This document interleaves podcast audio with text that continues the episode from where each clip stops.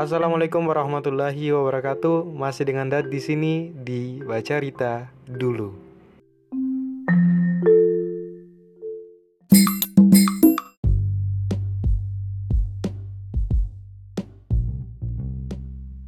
Halo Kak Ical. Halo Dat. Tahun 2 buku apa lagi? Ace. Ini so episode 2 kayaknya ya. Mm-mm. Ketiga sebenarnya kalau dari keseluruhan episode ini ketiga episode ketiga. Oh iya, episode ketiga. 2 buku apa? Episode kedua nih. Oh, begitu. Hmm, Tahun 2 nih bahas terjauh-jauh dari kata toxic dah. Is masih toxic ya?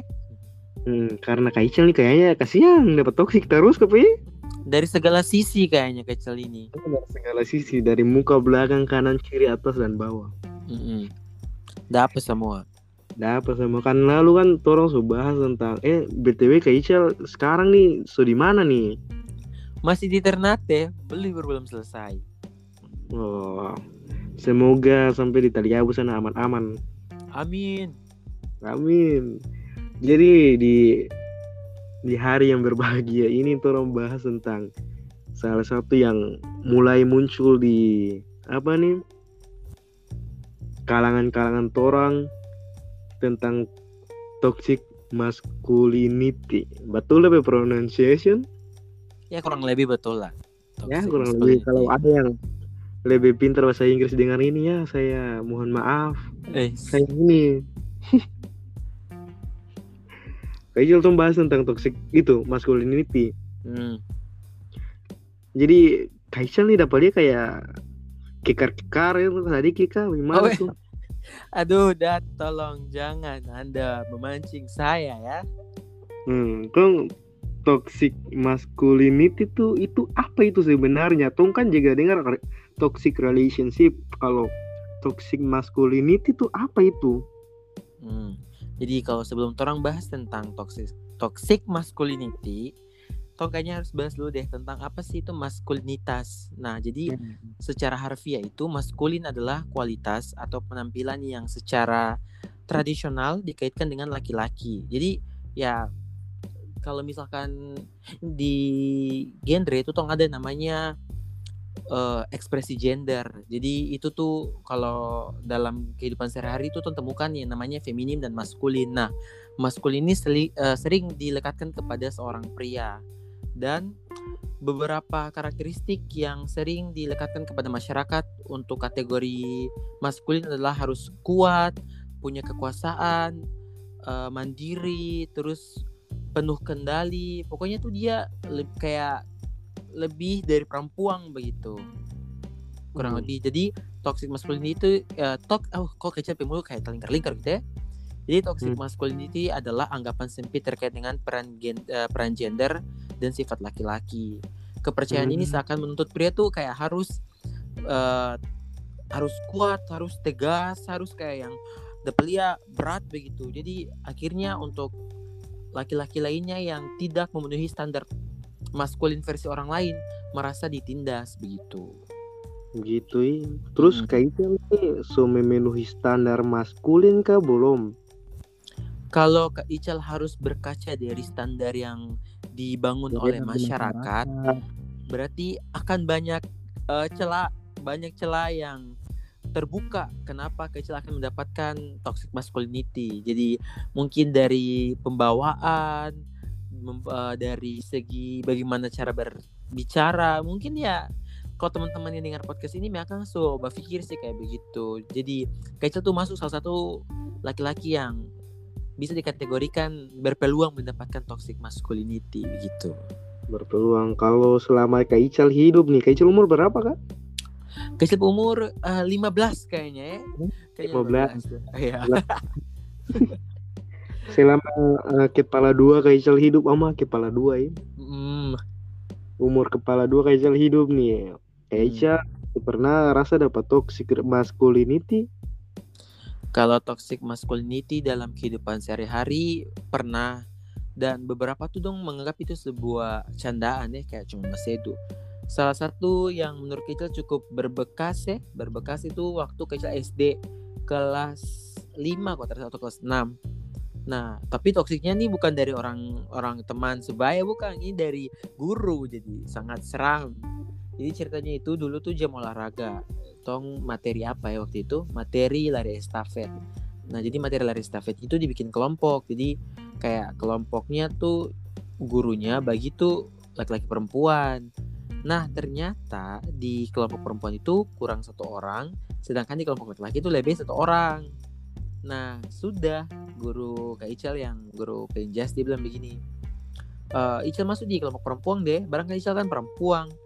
Akhirnya ya anak-anak kelas tertawa, eh anak-anak kelas tertawa dong semuanya kayak pada saat itu memang tuh tertawa tuh tong malu sih, cuman akhirnya kepikiran kayak kok bisa ya orang-orang beranggapan bahwa orang tuh perempuan apakah mungkin karena dari segi uh, cara pembawaannya agak feminim atau bagaimana begitu. Padahal kalau tuh bicara soal toxic masculinity itu kan itu hmm. adalah ekspresi gender.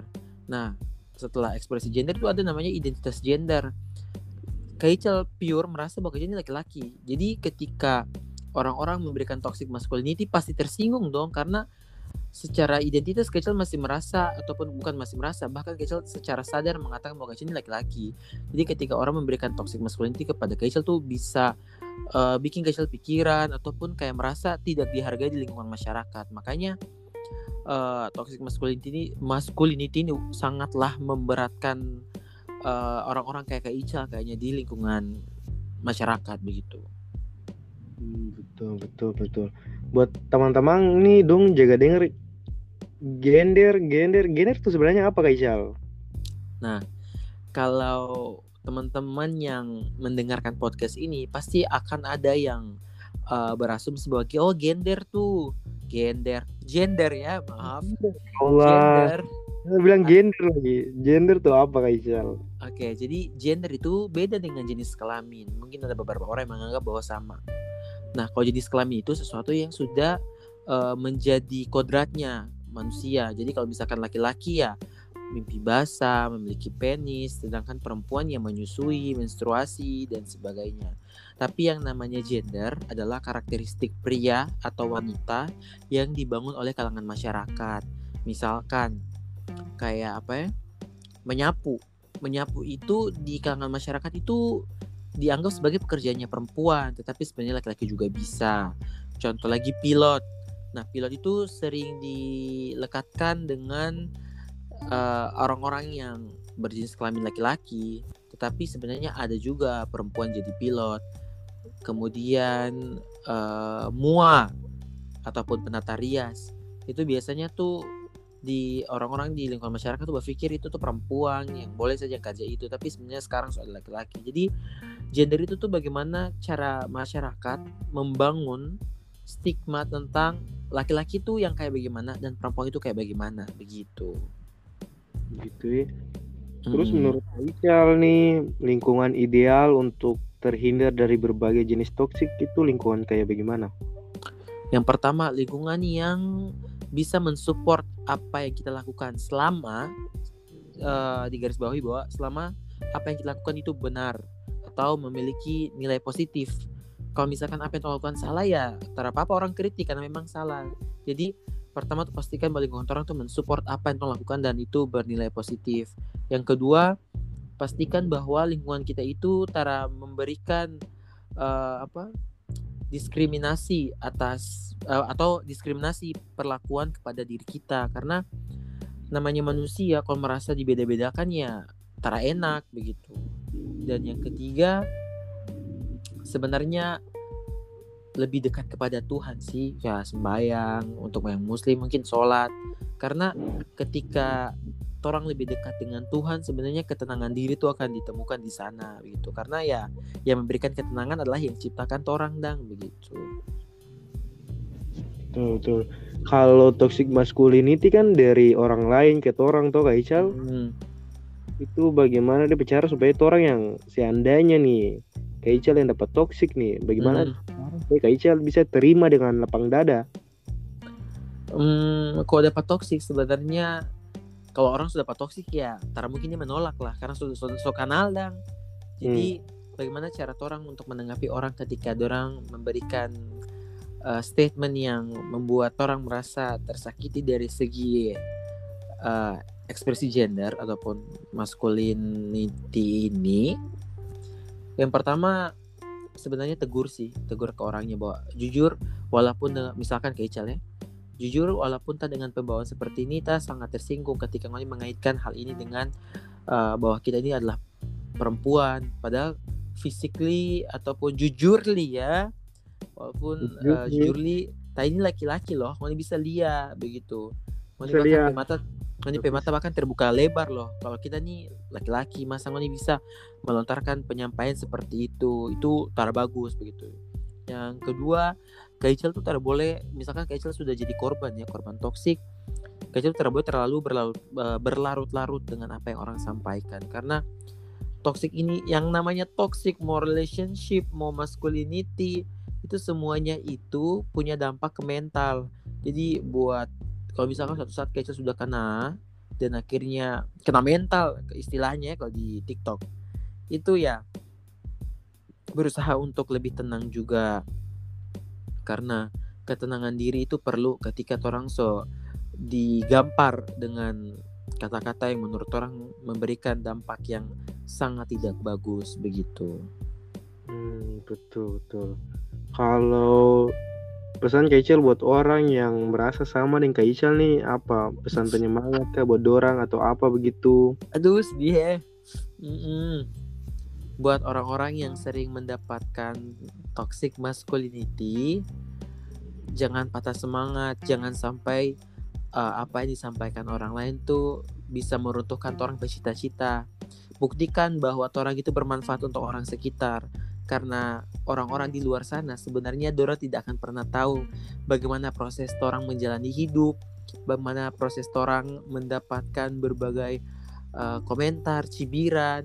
Itu Dora akan pernah tahu tapi tunjukkan ke orang bahwa ini loh orang ini bermanfaat buat orang banyak.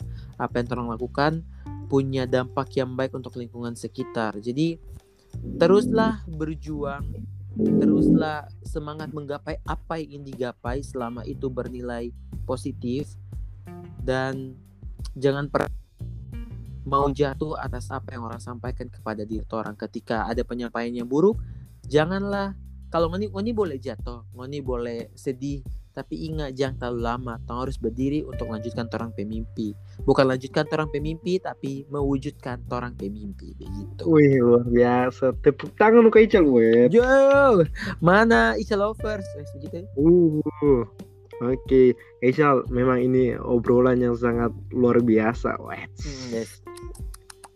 Memang saya nih sebagai yang mengundang Anda nih, ini harus bayar berapa nih? Oh nanti kita mau coba cerita lah di WA kayaknya sekitar uh, DP 0 tuh ada sekitar 10 digit kayaknya. Kayaknya Dad ucapkan terima kasih banyak sebagai pengalaman karena sama, sebelumnya yang di toxic relationship dan juga bilang kalau sama orang bisa sudah apa begitu. Betul. Oke, wassalamualaikum warahmatullahi wabarakatuh Kak Isya. Waalaikumsalam, Muhdar Afaris Bahmid.